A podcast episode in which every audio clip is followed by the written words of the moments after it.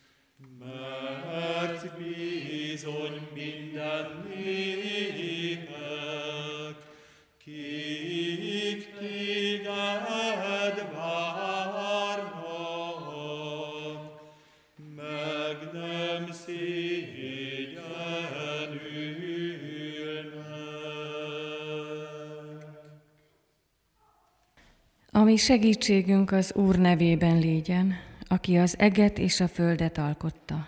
Ámen. Imádkozzunk.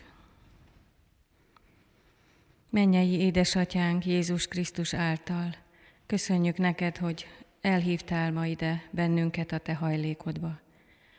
Köszönjük, hogy azért gyűjtöttél össze, mert szólni akarsz hozzánk. Te látod, Urunk, a szívünket, és hogy honnan érkeztünk most ide, hogy csak éppen megérkeztünk más feladatunkból, vagy már órák óta ide készültünk Te hozzád. Akár hogyan is, úgy jöttünk, ahogy vagyunk, és szeretnénk előtted megállni nyitott szívvel. Kérünk Istenünk, Te szólj hozzánk, Te áld meg azt az üzenetet, amit el akarsz juttatni a szívünkig. Ámen. Áldás, békesség, mindenkit köszöntök én is szeretettel. Köszönöm, hogy eljöttek, eljöttetek, és van egy, már is egy technikai javaslatom, hogy aki még nem kapcsolta ki a mobiltelefonját, vagy egyéb ilyen eszközét, az most nyugodtan tegye meg. Én is ellenőriztem, hogy az enyém ne szólaljon meg menet közben. A másik, amit még mindig a nulladik ponthoz sorolok, hogy nagyon köszönöm Varga Nándor nagy tiszteletű úrnak, Nándinak, most ha szabad így mondanom, ezt az ige választást.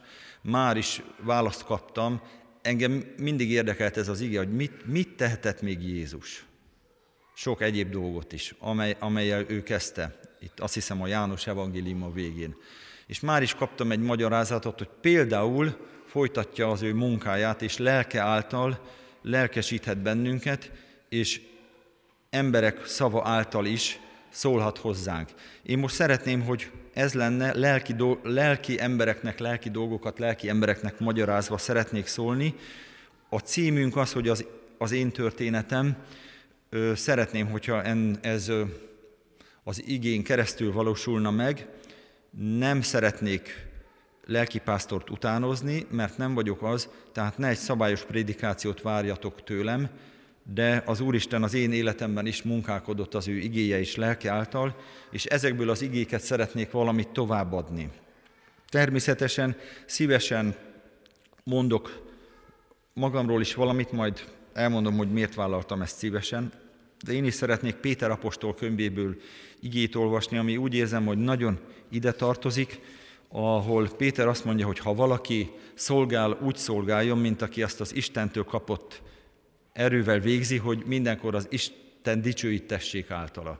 Ez a kívánságom most is, hogy az Úristen dicsőítessék általa, az én szolgálatom által is, meg hát az én életem által is, nem is olyan könnyű, mert az embert szembesíti pontosan ma a Galata levében olvastuk, hogy mik a test cselekedetei, és, mik a lélek, és mi a lélek gyümölcse. Amikor erre a szolgálatra készültem, akkor különösképpen volt rendezni valóm, és nagyon örülök, hogy ma sikerült elrendezni, és már életemben többször is embertársammal, fölfelé is, és embertársammal is azt, ami bántott, ami a test cselekedete volt. A bűnvallás is hozzátartozik az életünkhöz, ott ilyeneket olvasunk, a test cselekedeténél például, hogy irítség, pártoskodás, széthúzás. Hát ha egyszer az én történetem, akkor bizony ez is benne van. De milyen jó, hogy itt nem kell megállni, és milyen jó, hogy ezt a szolgálatot megkaptam, mert most ezt is elmondhatom. Azért is vállaltam el szívesen a szolgálatot, mert,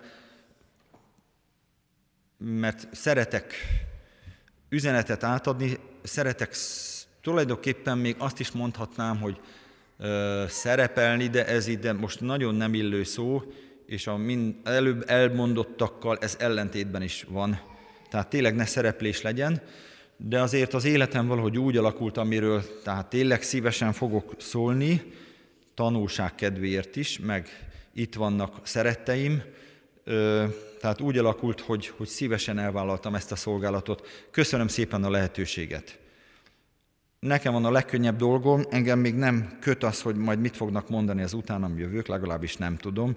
Ők itt vannak, és örülök, hogy ők is itt vannak, de nem akarok senkit sem ezzel a mondattal feszélyezni, inkább bátorítani, hogy ha az Úristen megadta az erőt nekem, akkor nektek is meg fogja adni, és lelki által elvégezheti, hogy a három össze is függ. Hogy miképpen azt megtudjuk, ha holnap meg holnap után is eljövünk. Tehát szívesen elvállaltam, a a munkám is olyan, ugye animálni kell a gyülekezetet, lelkesíteni, csak pár méterrel följebb, és sokszor érzem a bőrömön, hogy most ez a bevezető, ez nagyon jó volt, hogy megvan a kicseng az akkord, vákum és zeng az ének. Aztán van olyan is, amikor ez nem sikerül, van olyan is, amikor hát azt érzem a bőrömön, érzem, hogy hát ez most valami miatt nem jutott célba. Remélem, hogy most ez a bizonyságtétel célba jut, egy-egy gondolata, egy-egy mondata. Itt az előbb elmondtam, hogy de milyen jó a bűnvallás után, hogy de milyen jó, hogy itt nem kell megállni, hogy a test cselekedet imeljek, mert, vannak a lé, mert van a léleknek gyümölcse. Élő igéket szeretnék nektek átadni, és ugye azt is kaptuk feladatul, hogy az én történetemből válasszunk egy textust. Én nem egy textust választottam, hanem egy szót, egy kétbetűs szót, ez pedig a de szócska. Egy D betű, meg egy E betű. Sok minden van ezek mögött, vagy e mögött. Nem mindegy, hogy ki mondja. Nem mindegy, hogy az Úristen mondja-e, vagy a Bibliában olvasjuk, hogy de Noé kegyelmet talált az Úr előtt. Vagy azt mondjuk, hogy de tanár úr, hát én készültem. Hát sajnos, hát nem megy, de én kész. Vagy nem mindegy, hogy milyen összefüggésben mondjuk.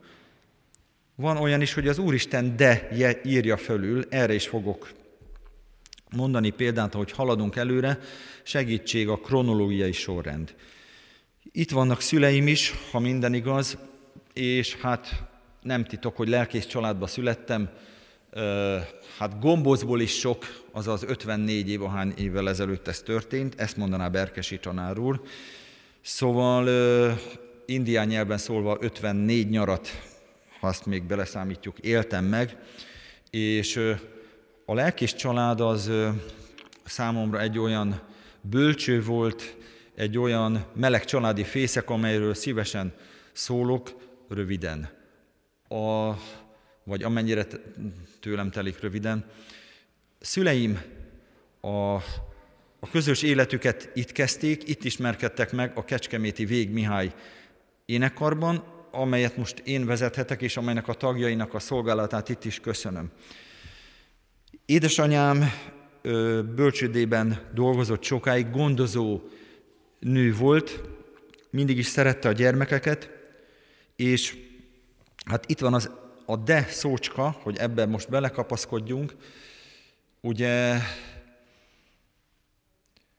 Hát szerettük volna, hogyha még nekem lesz testvérem, van testvérem. De az Úristen máshogy gondolta, évekig nem került erre sor. És azt gondolom, hogy rányomta a bélyegét, ez is az, az én gyermekkoromra, hogy a legtöbbször, a, ugye az ember társas lény, ezt tudjuk, legtöbb ilyen közösség számomra a gyülekezet közössége volt, ahol azért javarészt nálam idősebb emberek voltak. Hamar elsajátítottam nyilvánvaló a részben a beszédhasználatot, de ugyanakkor meg is fogod belülről mindaz, amiről beszéltek. Időről időre lelkész értekezlet, lelkészek látogattak el hozzánk, ha érkezett nagy heti szolgálatra teológus, sokszor én mentem ki érte a buszhoz. Szóval úgy éreztem, hogy, hogy a helyemen vagyok, de minden esetre a saját korosztályommal egy kicsit el voltam maradva, hogy őket hogy kell megszólítani. Ezt talán akik ismernek, rábólinthatnak, hogy ez így van, ez ma is meglátszik rajtam. Viszont ez egy olyan irányultságot is adott nekem, és főleg a zenei részt emelném ki, a zengőigét, amely egy életre szóló nyomot hagyott, a 338. dicséretet énekeltük ezelőtt sok-sok évvel, és akkor annak az éneknek, ugye ez a lelki próbáimban, Jézus légy velem, sokunknak a fülünkben van ez a gyönyörű dallam, és ennek a dallama, a harmónia világa, a szövege, a mély szövege, ez annyira megfogott, hogy akkor még kis legénykeként csak valami belső, nem tudtam verbálisan megfogalmazni, hogy ez mitől jó. De valami nagyon, nagyon olyat éreztem, hogy nekem ilyennel kell foglalkoznom. Ezt csak évekkel később fogalmaztam meg magamnak, hogy ez indított el. Nyilván, amire tudatosan emlékszem a zenei pályán. Egyébként zárójeles exkurzus, hogy a lelkészi és hogy az egyházi, hát van ennek egy valami kifejezés, azt most nem mondanám, szóval, hogy azt a szóhasználatot hamar megtanultam, az már itt a keresztelőm alkalmával is világos volt, mert amikor 60 Lajos bácsi megáldott az igékkel, ímé én vétekben fogantattam, és bűnben melengetett engem az anyám, illetve születésem óta a te gondod voltam, anyám méhétől fogva te voltál Istenem, akkor állítólag a prédikáció után egy hangos A betűt én is mondtam, ami természetesen az Ámennek a megfelelője volt. Ha ezt szabad. No, visszatérve, a, a bajai parókia, mert hogy ez ott történt, az sok, sok-sok mindenre megtanított. Emlékszem, vissza, szívesen visszaemlékszem az ottani kántorbácsinak a szolgálataira, de leginkább, legszívesebben azokra emlékszem vissza, amikor ide Kecskemétre eljöttünk a nagymamához, akkor már csak az egyik nagymamám élt, és akkor eljöttünk mindig a 418-asra. És emlékszem a néhai Osvát Viktor bácsira, milyen harmonikus volt a mozgása, sugázott róla a nyugalom, a békesség. És ott az orgona mellett én figyeltem őt, nyilván ez is hatással volt arra, hogy később milyen hivatást választok. Ugorjunk egy nagyot, sok minden történt. Az Úristennek a deje aztán felülírta ezt a hiányt, és végre, amikor én már 13 éves voltam, megszületett a testvérem Tünde, ez egy nagyon fontos évszám, az 1978, és ma már kezdünk összenőni, most már ő is családos ember, és, és neki is van gyermeke, és tudjuk, a közös problémák is, a közös örömök is közelebb hoznak bennünket egymáshoz. Természetesen haladunk előre az időben, mint mondtam, a reveláció erejével hatott rám a debreceni kántorképző. A 80-as években, meg már a 60-as évektől indult ez, Ezt ugye mindenki tudja, hogy államosítás 1948. Megszűnik a kántorképzés, megszűnik a, a, az intézményes egyházzene oktatás. Erről most részletesebben nem szeretnék szólni, de azért azt el kell mondani, hogy 1965-ben pontosan Gárdonyi Zoltán, a sokat emlegetett nagy tiszteletben álló Gárdonyi Zoltán bábáskodásával, tehát 1965-ben Debrecenben, egyedül csak ott, mégis elindult egy nyári kurzus, egy tanfolyam. Egy három hetes tanfolyam. Hétvégén nem volt hazamenetel, három hétig a magyar református populációnak a, hát a színejava, legalábbis ez a része, más színejava is volt, de a zenés színejava ott egybe volt. Olyanok is, most neveket nem mondanék, akik a rendszerváltozás után esetleg már széthúztak, és talán nem is ültek le egy asztalhoz. Ott megvolt egy olyan egység, egy olyan, nyilván a, annak a rendszernek a prése alatt, ilyen jó dolgok is történtek, hogy együtt énekeltünk, együtt muzsikáltunk. Mai napig emlékszem arra a Kodály 50. Zsoltára, az ki hálát ad, engem az becsül, amikor a többszólamú osztott férfikar elkezdte énekelni. Körbelül ott olyan döbüsszi stílusban dolgozik Kodály, hát ezt hallgassátok meg, óriás élmény volt. És mindezt a ma már Kossuth Díjas Berkesi Sándor pálcája alatt tehettük, vagy vezényletével tehettük. És akkor ezzel úgy körbe el is dőlt, meg az egyéb orgona hatásokra, hogy, hogy ezt érdemes csinálni, de közben már szorgalmasan elkezdtem zongorázni, itt is volt egy de. Mert én azért úgy gondoltam, elég jól ment. Elég jól ment, de nem voltam Kocsis Zoltán. Ezt nem is kell mondani, az egy más kategória, és egyéb hatásra is itt egy de jött, hogy végül is nem zongora szakra felvételiztem Miskolcon, hanem orgona szakra. És nagyon jól, tett, nagyon jól tettem, mert hát ezt a mai napig tudom hasznosítani. A miskolci évek azok nagyon gazdagok voltak. Erről most részletesen csak azért nem szólok, mert, mert nagyon úgy érzem, hogy halad elő, előre az idő, de azért annyit szeretnék megemlíteni, itt is egy de, hogy egy lelki bölcsőm is volt Miskolcon, az ottani egyház kerületi énekkar, ma már Cantus Firmus énekkar a neve. Egy fantasztikus csapat volt, még ma is összetartunk, összetartanak. Például onnan eredeztethető barátságom és zenei tej testvériségem, Méhes Balázs kollégámmal, akivel a mai napig szeretünk együtt dolgozni, kórusokkal és sokféleképpen. Ennyit szerettem volna ehhez mindenképpen hozzátenni. No de, hogy haladunk tovább? Itt azért sokféle mozzanatot el lehetett volna mondani, egyet még szeretnék kiemelni. A Zeneakadémián volt egy óriási koncert, ki is mondom a nevet, Karaszon Dezső játszott egy óriási műsort, ami akkor a 80-as években felért egy református tüntetéssel. Mivel fejezte be? Óriási taps, és nem egy nagy sikerdarabot játszott, hanem be is mondta, Gárdonyi Zoltán, Szelít Szemed Úr Jézus, orgonakorál. Hát, ezt nem is lehet elmondani, leírhatatlan a hatása, a reformáció, református populáció, mert nyilvánvalóan elmentünk Miskolcról, mindenhonnan az országból, hát a Zenakadémia 60, 80-as években, természetesen csápolt, könnyezett minden, amit tetszett, tehát, tehát tényleg óriási mm, reveláció, vagy hogy mondjam, nem is tudom hirtelen a szót. No, de azért nem értettem mindenki meg ezt, mert a öltözőben, amikor később mentünk ki, ott megütötte a fülemet egy illusztris személyiségnek a felesége, Hát jó lehűtötte a kedélyeket ezzel a református korálkával. És én fölfigyeltem, micsoda? Minket így tartanak számon egyéb helyeken. Református korák. Futottak még kategóriát. Hogy, hogy van ez? Hát reform, hát én nem ezt tanultam. Hát én a zenei bölcső, ahonnan jöttem, a szülői ház, hát számomra ez egy világos. Hát mi az, hogy református korálka? És akkor elindult egyfelől egy tájékozódás, hogy valóban a zeneirodalom az hatalmas, az egyház zene is hatalmas, és nyilvánvaló tágultak a mezők, de azért ez megragad bennem, és a mai napig úgy érzem, hogy ez a de, ez ezért is született meg, mert azért van bennem egy ilyen protestálás sokszor, hogyha nem református közegben vagyok, azért. Ha meg reformátusban, am azért. Na de ez most csak végképp nagyon személyes volt. Szeretném elmondani, hogy készülök egy sorozatra, ha eljön az ideje, az lesz a címe, hogy ami a lemezről lemaradt. És oda pontosan az ilyen idézőjelben református korákák fognak kerülni.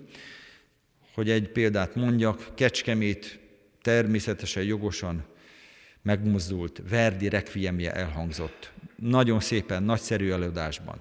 Aztán mindenki ismeri a Mozart rekviemet, de tudjuk-e, hogy van egy igazi protestáns rekviem, Johannes Brahmsnak a német rekviemje, ami úgy kezdődik, hogy magyar fordítás mondom, boldogok, akik sírnak, mert ők megvigasztaltatnak.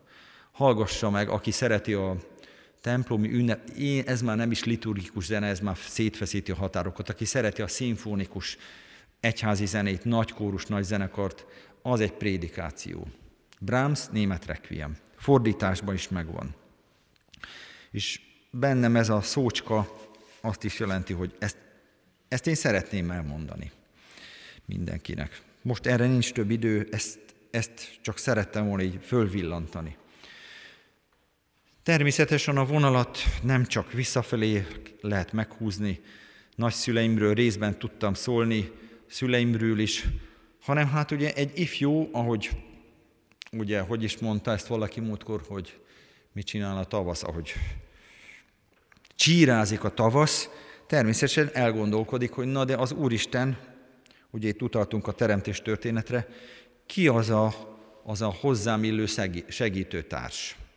Mert ugye, hogy nem jó az embernek egyedül lenni, szerzek neki segítőtársat hozzáillőt. És ebben is az én természetesen elképzeltem magamnak, hogy ilyen, ilyen és ilyen lesz, ebből és ebből a kórusból fogom majd természetesen, voltak is ötleteim, de hát egyik se jött be, milyen jó, hogy nem, mert az Úristennek a nagy deje, ő sokkal-sokkal jobban tudta, hogy ki az, akit nekem teremtett, aki már ott tőlem 160 kilométerre nyugatra szintén cseperedett, és egyszer csak az utak itt találkoztak Kecskeméten, egész pontosan 1993-ban. 20, több mint 20 a házasságkötés az 1995-ben volt, aztán az utak találkoztak, és most már ugye több mint 23 éve vagyunk házasok, és el szoktuk mondani, hogy a mai napig tudunk egymásnak meglepetést szerezni, de kellemeset és jót. Szóval nem unatkozunk, mondhatom nyugodtan, komolyra fordítva a szót, eddig is komoly volt, de ilyen értelemben is, hogy elillant ez a 23 éves. Gyermekeink közül itt vannak, most éppen hármat tudok megszámolni, és nagyon örülök, hogy ők is itt vannak. Egy picit hadd térjek vissza, nagyon örülök, hogy nekik ilyen iskola és ilyen kórus muzsika adatik, ahol magas színvonalon és jó lelkiségben tanulják az éneket. Annak idején abba az énekzeneibe, amiben én jártam, az nem itt volt, hát ott bizony inkább úttörő, úttörő nótákat tanultunk, és ezek engem annyira nem fogtak meg, megmondom őszintén. Nyilván ez is ö, számot, vagy ez is szerepet játszik abban, hogy az egyház zenének ilyen, hát mondható, hogy elkötelezett, elkötelezettje vagyok, ezt mondhatom. A zengő igének, hát itt egy fájdalmas házasságkötés után születtek a gyermekek, és ez nagyon jó volt, és ki is költöztünk akkoriban egy környező településre. A házikó sem volt túl kicsi, több szinten. Három gyermek után úgy érett még bennünk, hogy, hogy még mi beállunk a sorba, ha hát, ha kapunk gyereket. És a következő vizsgálat után valami rendkívüli eufóriával jött ki feleségem, Kati, nem tudtam, hogy most mi van itt. Tehát ez, ez vidám volt, látszott, hogy minden rendben van, annyira, hogy annyit mondta, hogy képzeld, ikrek. Hát ott, ott, ott helyben, ott a Gyenes téren. Meg nem is tudom elmondani már, hogy milyen ö, hangulatban, de az a lényeg, hogy hazasétáltunk, nagyjából magunkhoz tértünk, és hát nyilvánvaló a jó hírt szereti elmondani az ember is. Hát aztán jött, telt az idő, babavárás, kaptunk ikerkocsit, sok mindent, mindenki örült velünk, és itt volt egy de-je az Úristennek, ami nem volt könnyű, talán sokan tudjátok, hogy, hogy a babákat, akik nagyon-nagyon hamar, tehát nem, nagyon kora születtek voltak, pár óra után vissza kellett adnunk.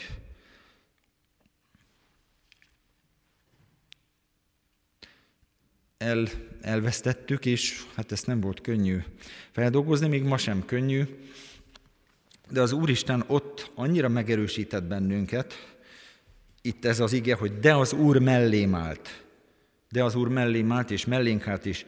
Megerősített, hogy elvégezzem az ige hirdetését, megerősített bennünket abba, hogy nem roppantunk össze, ahogy Pálapostól mondja, hogy kétségeskedünk, de nem esünk kétségbe, mindenütt szorongatnak minket, de nem szorítanak be, és hogy, hogy ez egy nagyon nehéz helyzet volt.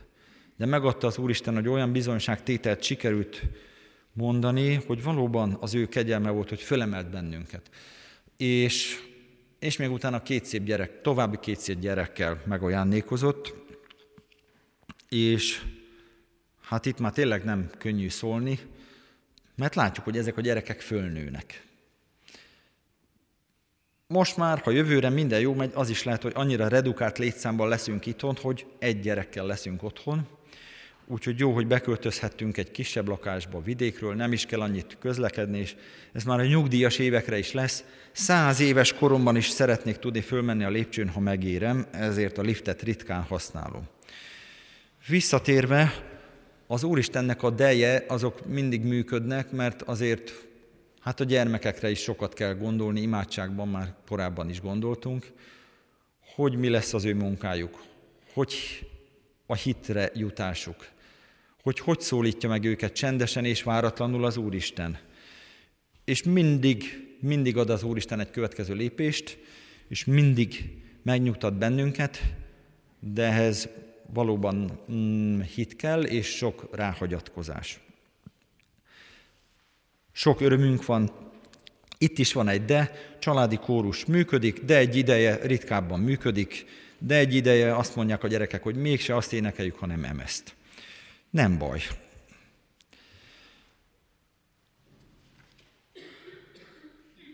Nagy örömünk van ebben, mert úgy látjuk, hogy a közös éneklés, a játék és a közös imádsághoz segít egybe tartani a családot. És szeretnénk, hogyha majd úgy ö, röppennének ki a fészekből, hogy, hogy már hitre jutottak, megerősödtek.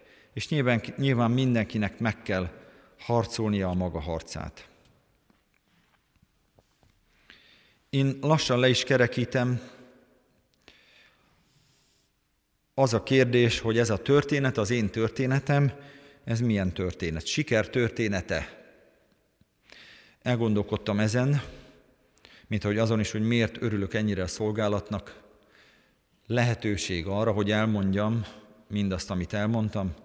Lehetőség arra, hogy, hogy elmondjam azt az ézsaiási igét, amivel most befejezem, és utána következik a 95. Zsoltár, amelyet majd kivételesen dob kísérettel fogunk énekelni, ami így szól, hogy ha sikertörténet is lesz, és biztos vagyok benne, hogy az lesz, mert az Úristen megígérte, ugye a keresztelősi igé, igénket mindenki, keresztelősi igéjét mindenki megkapta, talán mindenki ugyanazt, hogy ímé én veletek vagyok minden napon a világ végezetéig. Ez már egy siker. Sok devel van tele, és újra kell tervezni, fel kell állni, de az Úristennek a bátorítása, és most jöjjön az Ézsaiási ige, kicsit hosszú a mondat, sokat gyakoroltam, de ez egy nagyon fontos, két-három éve egy komoly lelki tusa sorozatom volt, több napig hosszabb ideig tartott, és akkor tanultam meg ezt az igét, és akkor erősített ezzel az Úristen Ézsaiás könyvéből, ahogy morog az oroszlán vagy a kölyke a zsákmány fölött, amikor összegyűl ellene valamennyi pásztor, és nem rettem meg kiáltozásuktól, nem hunyászkodik meg zajuktól, úgy száll le a seregek ura, hogy harcoljon, Sion hegyéért és dombjáért. És ha ő harcol értünk, hogy az ének mondja, akár a 390. dicséretre gondolunk, hogy viaskodik az Úr érettünk, akár a, egy dicséretre, a 273. dicséretre, a híveknek számuk vagyon, ugye, nevük nála írva vagyon, azaz egy mennyei kész híven felírja, ami velünk történik. Tehát ha ő így harcol értünk, akkor meg tudjuk valósítani azt, ami a, amit a zsidó levél így mond, hogy ne legyetek restek, hanem kövessétek azokat, akik hit és békességes tűrés által öröklik az ígéreteket. És ez valóban sikertörténet az életünk minden pillanatában. Akkor is, amikor talán csak a hit szemével lehet ezt a sikert látni, és azzal lehet elhinni. Közös imádsággal folytassuk, nyissuk ki a füzetünkbe ezt a füzetkét lélekkel és értelemmel, kettes kötet, szeretnénk belobbizni ezt a füzetet, és ennek az énekanyagának egy jelentős részét, és kérjük szépen Borsos fel kántor testvérünket, hogy akkor most dobbal, síppal, dobbal, nádi hegedűvel, de most dobbal. A 41-eset muzsikáljuk el, és a következő lesz a hangszerelés. Először is lapozzunk rá, tehát 41-es, ott a seres kapunál is vannak még füzetkék, oda is készítettünk, ide is, és bocsánat Béla bátyám, ne haragudj, utólagos névnapi ajándék volt, de még várjunk ezzel. Tehát jer örvendezzünk az Úristennek, Annyit tudok erről elmondani, hogy ez a 95. Zsoltárnak az, a szövege egy nagy reformátor, nyomdász reformátor Huszár Gálnak a fordításában. Ezzel a névvel sokan találkoztunk, mindenképpen jegyezzük meg Huszár Gál nevét.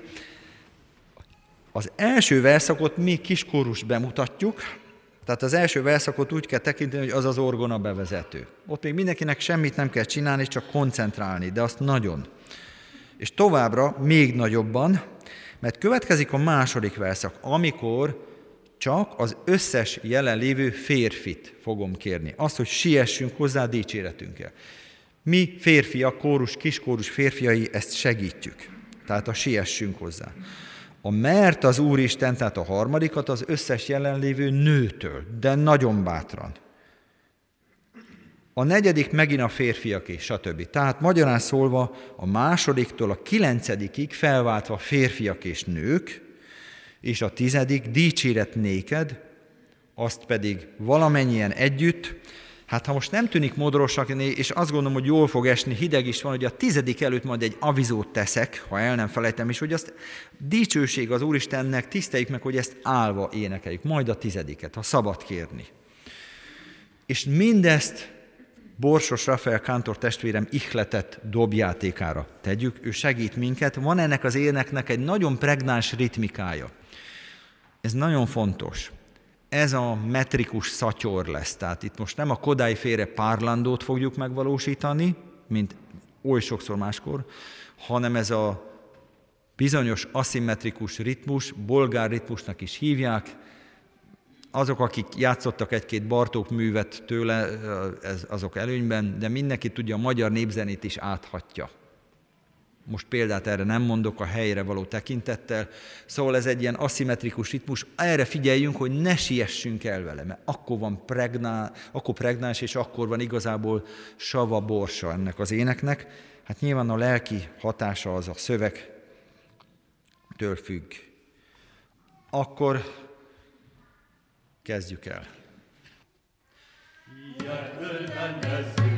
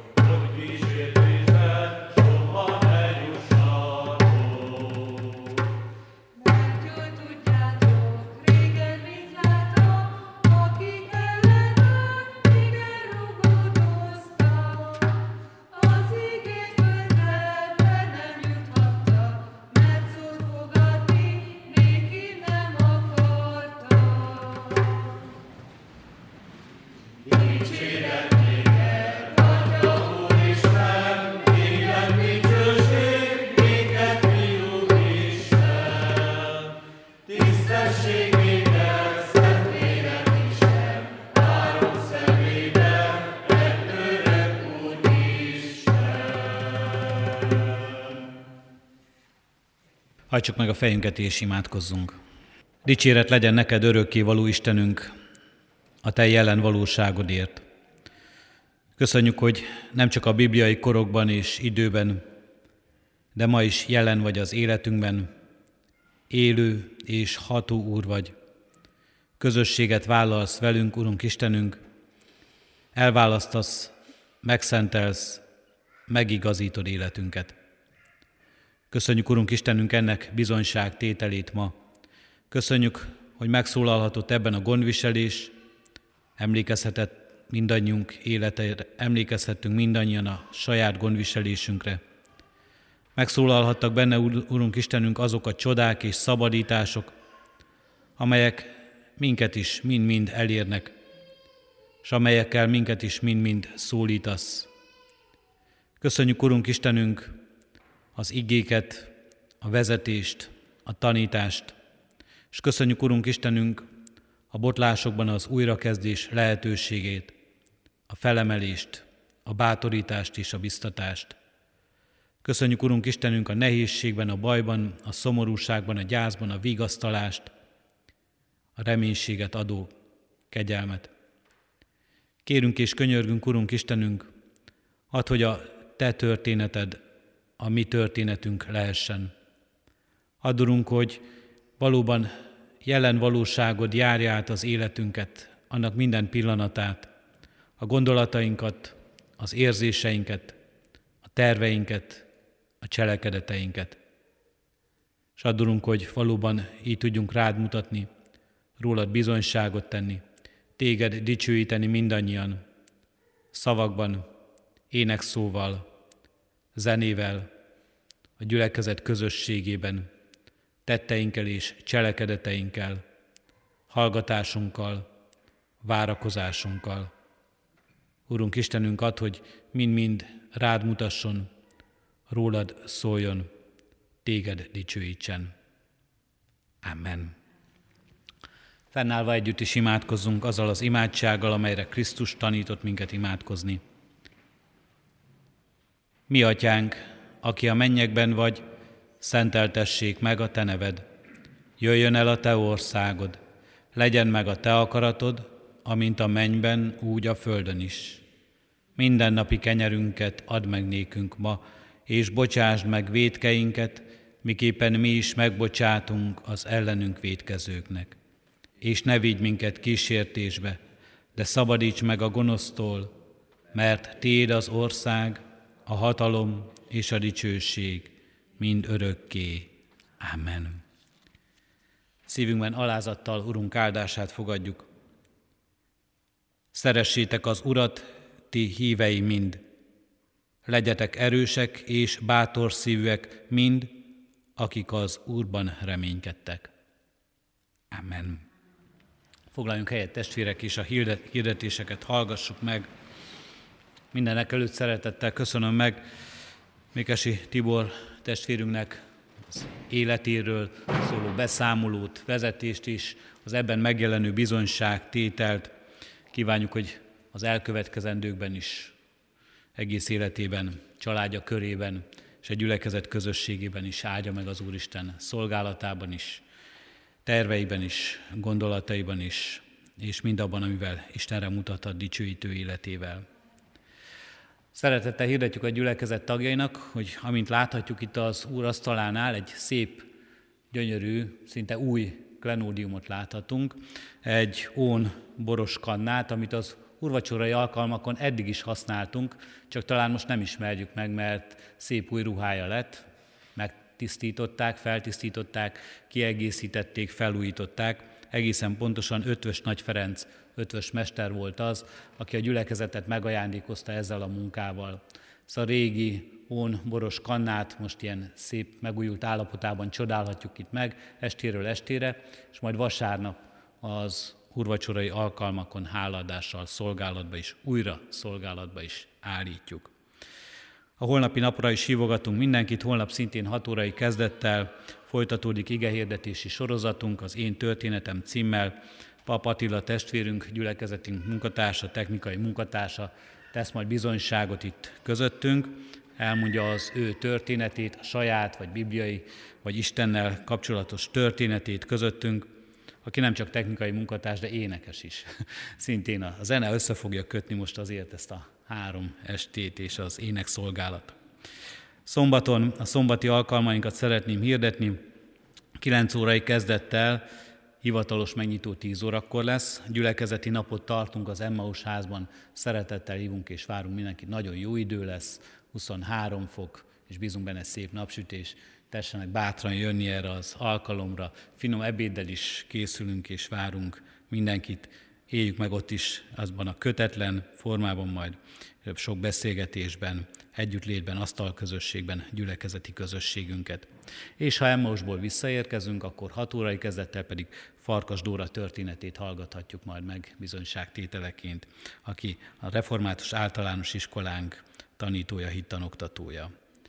Vasárnap a 9 órai és a 6 órai ifjúsági istentiszteleti alkalmon az úrasztalát megterítjük, és úrvacsora közösségében lehetünk együtt, és az imaházakban is. A 11 órai istentiszteleten a Református Általános Iskola új diákjainak befogadó istentisztelete lesz. Így készüljünk ezekre az alkalmakra, imádságos szívvel és áron is vegyük meg ezeket. Zárásként az 500. dicséretet fogjuk énekelni, és Mikesi Tibor Kántor úrnak adom vissza a szót, ő elmondja most ennek az éneknek az éneklés rendjét.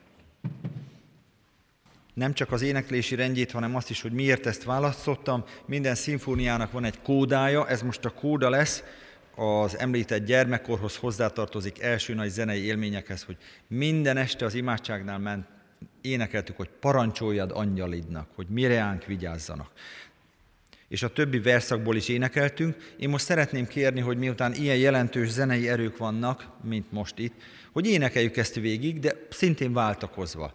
Tehát első verszakot megint mi énekeljük, a fér, most a kórus férfiai, és a második verszaktól, hogy téged kérünk, Szent Úristen, már úgy fogjuk megint énekelni, hogy a második verszaktól már az összes férfi, a templomban jelenlevő férfi, a harmadik nők, nehéz álom el ne nyomjon az az nők, mi szemeink halusznak megint férfiak, stb. Tehát a pá, ros verszakok, a férfiaké, a páratlanok a nők, és itt is doxológiával fejezzük be, és ha szabad kérni, ott is álljunk föl, utána úgy is fel kell állnunk, mert másképp nem tudunk hazamenni.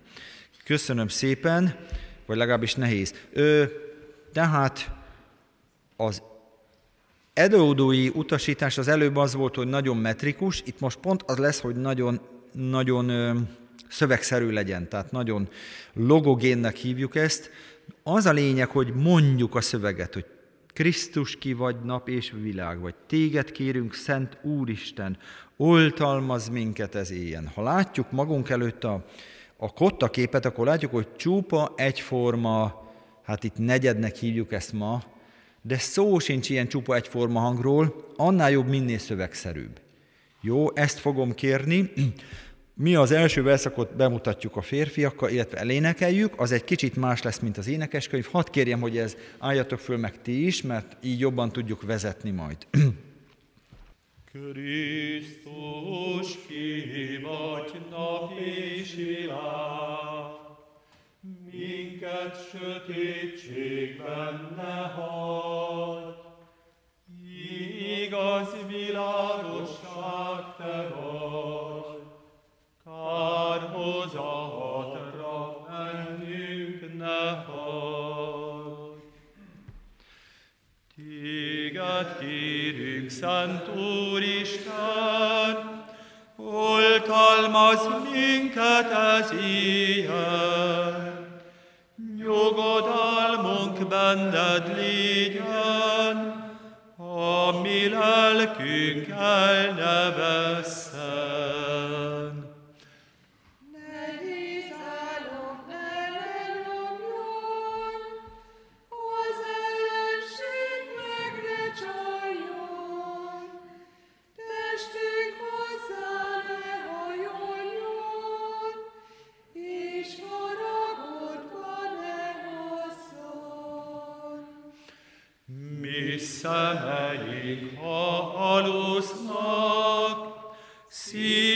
elénk rád vigyázzanak.